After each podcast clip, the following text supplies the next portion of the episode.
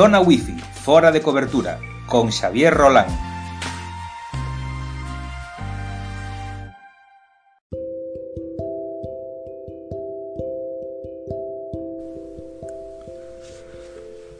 Benvidas, benvidos a un novo capítulo de Zona Wifi fora de cobertura, primeiro capítulo do ano 2021. E hoxe quería falarvos de como fuxir de Google. Sé que iso é posible. Por qué? Porque um, últimamente estou escoitando cada vez máis xente que está pues, eh, máis preocupada ou que, que non se sinte cómoda con todos os datos que estamos cedendo ás grandes corporacións. É relativamente fácil fuxir das redes sociais, pero a veces non é tan sinxelo marchar de, de servizos que utilizamos habitualmente como son os servizos que nos ofrece, que nos ofrece gratuitamente eh, Google. Entón, eh, bueno, pues, zafarse destas, destas pautas de, de Google é difícil, eh, pero non é imposible. E para eso que vou a facer é ofrecer algunhas alternativas a correo electrónico, calendario, mapas, a unha nube de datos, mm, servicios como YouTube, Meet, eh, contactos, o traductor de Google, fotos, ofimática, blogger, eh, eh, notas como, como TenKeep de Google, entre outros. Vale.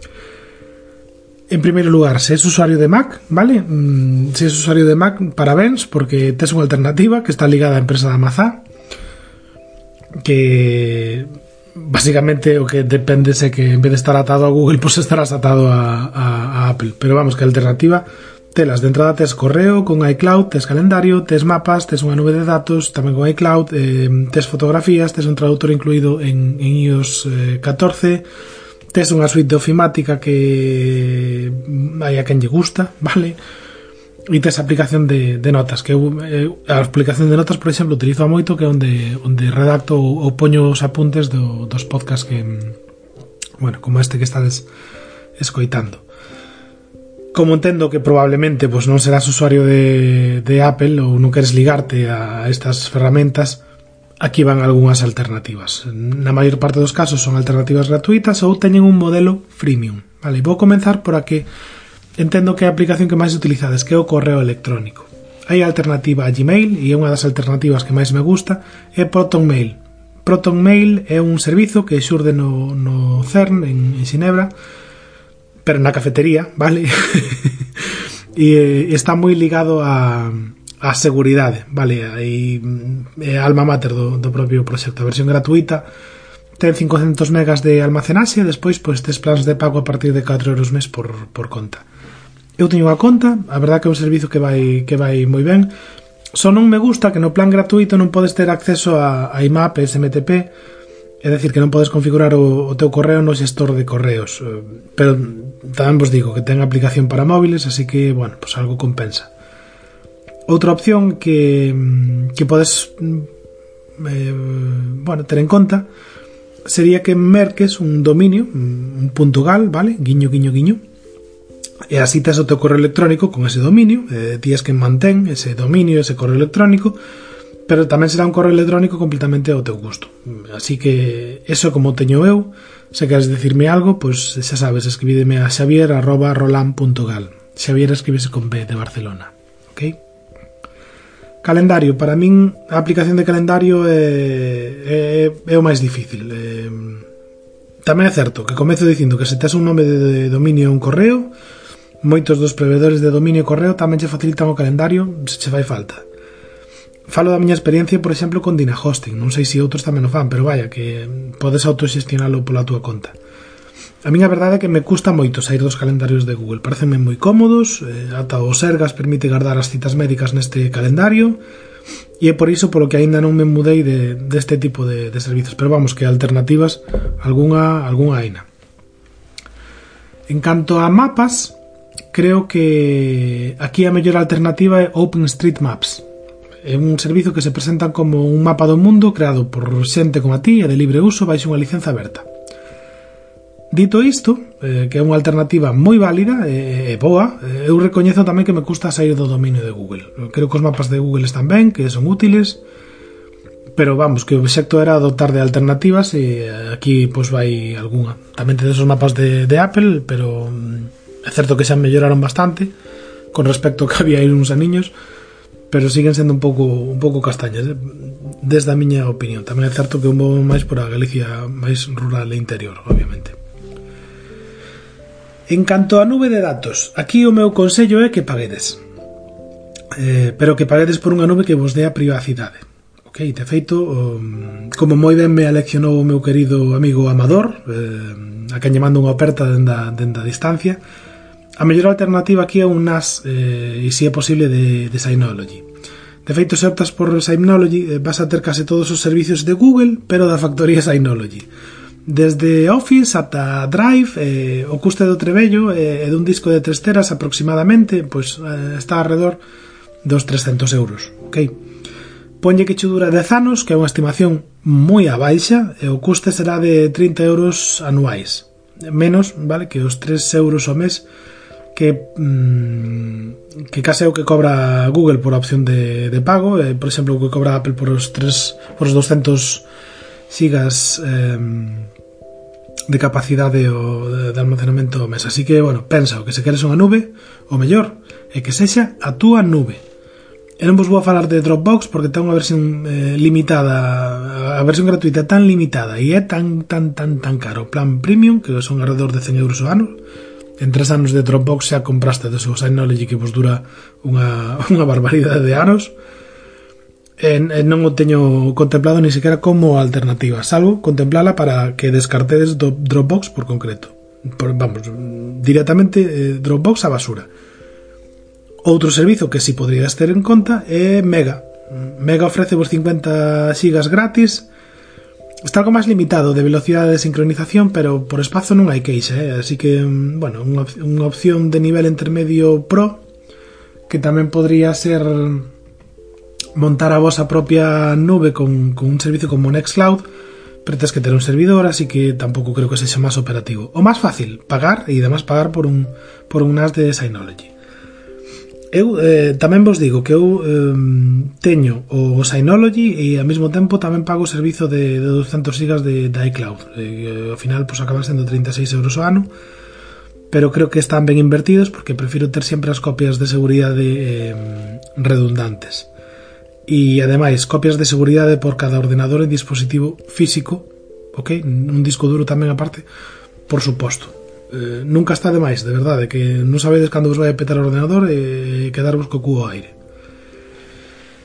En canto a servizos de vídeo como alternativa a YouTube, creo que o que máis me gusta é, é Vimeo. Eh, Vimeo ten moito mellor eh, servizo de calidade, incluso en opcións premium, eh, tamén está moi ben. É certo que a versión gratuita está máis limitada, en canto a posibilidades de subir eh, contidos ou número de, de megas semanais, pero entre as opcións eh, premium eh, hai unha xa starter desde uns 60 euros ao ano eh, ten características que son moi chulas vale? Entre eles hai unha que me gusta moito que é de poder permitir a visualización de vídeos eh, só baixo determinados dominios que por exemplo é moi útil para cursos en liña, onde tes un vídeo oculto en Vimeo que só se reproduce se está no teu dominio e así o marcaches como, como tal. Xa sei que Youtube ten a comunidade, eh, pero tamén ten o seu endiañado algoritmo e a, e a publicidade brutal que introduce, Eh,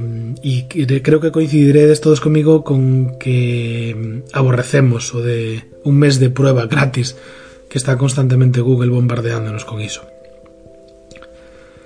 Outra aplicación, Meet. Vale, alternativas a Meet hai moitas, seguramente a que máis se vos ocurra agora mesmo será a Zoom, por o seu éxito e furor durante o confinamento e a etapa posterior ao confinamento, pero eu ofrecevos outra mellor, Jitsi, con, con Jota. Jitsi é software libre que funciona realmente ben, con posibilidade de emitir en directo e incluso eh, conectar esa emisión a un directo de, de YouTube. Eu empreguei na moito durante o confinamento e a verdade é que me deu moi pouquiños erros. Parece unha aplicación xenial. Dadalle unha oportunidade, vale? Chámase Jitsi. En canto á aplicación de contactos, que eu creo que esta é case das máis fáciles de sustituir, porque todos os teléfonos móviles teñen apps de contactos e podes exportalos, importalos en formatos mm, moi masticadiños que non van a dar así moitos problemas, pero, en fin, se queredes alternativas, pois Contact Plus ou Nextcloud Contacts eh, son dúas opcións a ter, a ter en conta. Alternativa ao traductor de Google, Aina é moito mellor que o propio traductor de Google. Eh, coñeces DeepL? D-E-E-P-L. DeepL. Pois deberías coñecelo, eh, porque mexa por riba de Google Translator, pero vamos, de eh. Así que xa está tardando en probar este, esta aplicación de traducción.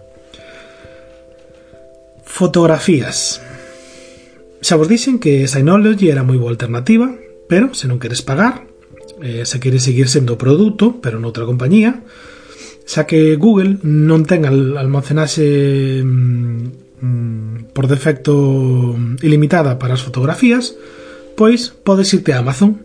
Amazon Fotos ten almacenaxe ilimitada para fotografías, ten 5 sigas para para vídeos e nada, simplemente terá en conta porque se Google acaba de cortar o, o grifo, eh, Amazon é certo que pode fazer o mesmo, non vos digo que non, pero agora mesmo para min é unha das mellores opcións porque Mm, tendo a aplicación instalada xa fai automáticamente un backup de todas as fotos que, que vaiades eh, tendo. Insisto, se non pagas por o produto, é o produto tamén. Ben, en canto á suite de ofimática, eu creo que esta é unha opción difícil de sustituir porque o criterio mm, ten que ser unha suite ofimática que este na nube, e como alternativa a Google Docs, ben, podría ter eh, Microsoft con Microsoft Word Online, pero sigue ser software privativo, moi bo, pero privativo. E se, tu, se tivese que citar dúas alternativas de todo o que provei hasta ahora pois eu eh, daría vos dúas. Unha é Nuclino, que é máis unha aplicación de, de tomar notas, mm. e outra é OnlyOffice, eh, OnlyOffice además é a que máis se parece a Microsoft eh, que incluso tes a posibilidade de facer eh, crear macros me parece unha, un aplicativo moi interesante. Eh, está ben de todas formas tamén vos digo que a mí en particular costame moito marchar das follas de cálculo de Google. Eh, as follas de cálculo de Google son, son brutais. É certo que teño unha limitación que para mí se queda pequena que son hasta en mil filas pero de que tragan todo tipo de arquivos para importar, especialmente os arquivos CSV, importaos moi moi ben, apenas dan apenas da erro esa importación, quedan as tablas moi ben xeitosiñas, eh, pero bueno, hai alternativas, OnlyOffice, por exemplo, que vos acabo de contar. Tamén vos digo que Synology ten a súa propia suite de ofimática, ok? Que parece que son aquí comercial de Synology e non. Blogger, mm, bueno, Blogger é a alternativa máis fácil de, de sustituir eh, WordPress mm, e creo que non teño nada que xustificar aquí sobre mm, sobre WordPress. O que si teño son cousiñas pendentes para, para podcasting de, de WordPress que xa levo anos con el tamén levo anos con el a voltas na, na docencia e, e bueno, o mellor pois é o momento tamén de, de darlle un pequeno espacio a, a WordPress na, a, aquí ne, neste podcast, non? E, bueno, finalmente, aplicacións de notas, eh, Keep, é a de, a de Google, e aquí, bueno, pues hai centros de aplicacións de notas. O caso é que non todas eh, se sincronizan entre os diferentes dispositivos, e eu entendo que o que precisades é que, que se sincronicen entre dispositivos. Xa dixen tamén que eu utilizo Apple, Apple Notes, eh, as notas de Apple pola súa sinxeleza, de feito excesivamente sinxela e simple. A ver se lle dá un pouco máis de cariño a esta aplicación, eh, porque a teñen moi abandonada, pero hai moitas alternativas. Para Mac, por exemplo, eh, para Mac, e agora mesmo non sei se tamén a tedes para, para Windows, Peer, eh, oso en inglés, eh, é unha opción. Despois hai históricos como, como Evernote, eh, Evernote é super potente, pero tamén vos digo que a versión gratuita é super limitada. Só dous dispositivos, a web xa se considera como un dispositivo, Así que, pues, por citar outras opcións, pues, Simple Note, que a diferencia de Evernote pues, é moito máis simple, pero, pero está, está ben, está ben. E despois, aínda que Dropbox non me gusta como solución de almacenaxe, Dropbox Paper é outra opción eh, que se integra dentro de, de, do Dropbox que vos coñecedes, que serviría pues, un pouco como, como aplicación de, de notas. E, bueno, pois ata aquí nada máis, ata aquí o podcast de hoxe. Hai moitísimas ferramentas por probar, se queredes. Son todas moi boas eh, alternativas ao universo Google. O importante é que se axeiten a ti. Eh, que eso que quizás é máis complexo. Topar a aplicación que faga algo parecido de Google, mm, sí, hainas, pero que realmente se axuste ás necesidades que tites desa propia aplicación a veces non é tan non é tan sinxelo. Eh, bueno, pues si queredes, pues por recapitular eh, ahora en 30 segundos hasta, hasta finalizar. Alternativa o correo electrónico, Proton Mail. Alternativa o calendario, mm, unha que este ligada ao vosso propio eh, dominio e hosting, eh, alternativa a mapas OpenStreetMaps, alternativa a unha nube de datos Mega, se credes unha versión gratuita, ou un NAS de Synology, se credes pago pero todo controlado por vos, alternativa a YouTube Vimeo, alternativa Meet Jitsi, alternativa Contactos Contact Plus ou Nextcloud Contact, eh, alternativa a traductor DeepL, alternativa a fotos eh, Amazon Fotos. E alternativa a suite ofimática eh, mm, OnlyOffice, OnlyOffice, se non me acordaba, alternativa a Blogger WordPress e alternativa a Keep eh, Simple Note ou, ou Evernote simplemente. Ben, pois eh, dalle unha oportunidade algunha delas, agardo que por menos unha delas non a coñeceras e sexa do teu interese e nada máis, ata aquí o podcast de hoxe. Ata o próximo capítulo. Chao, chao.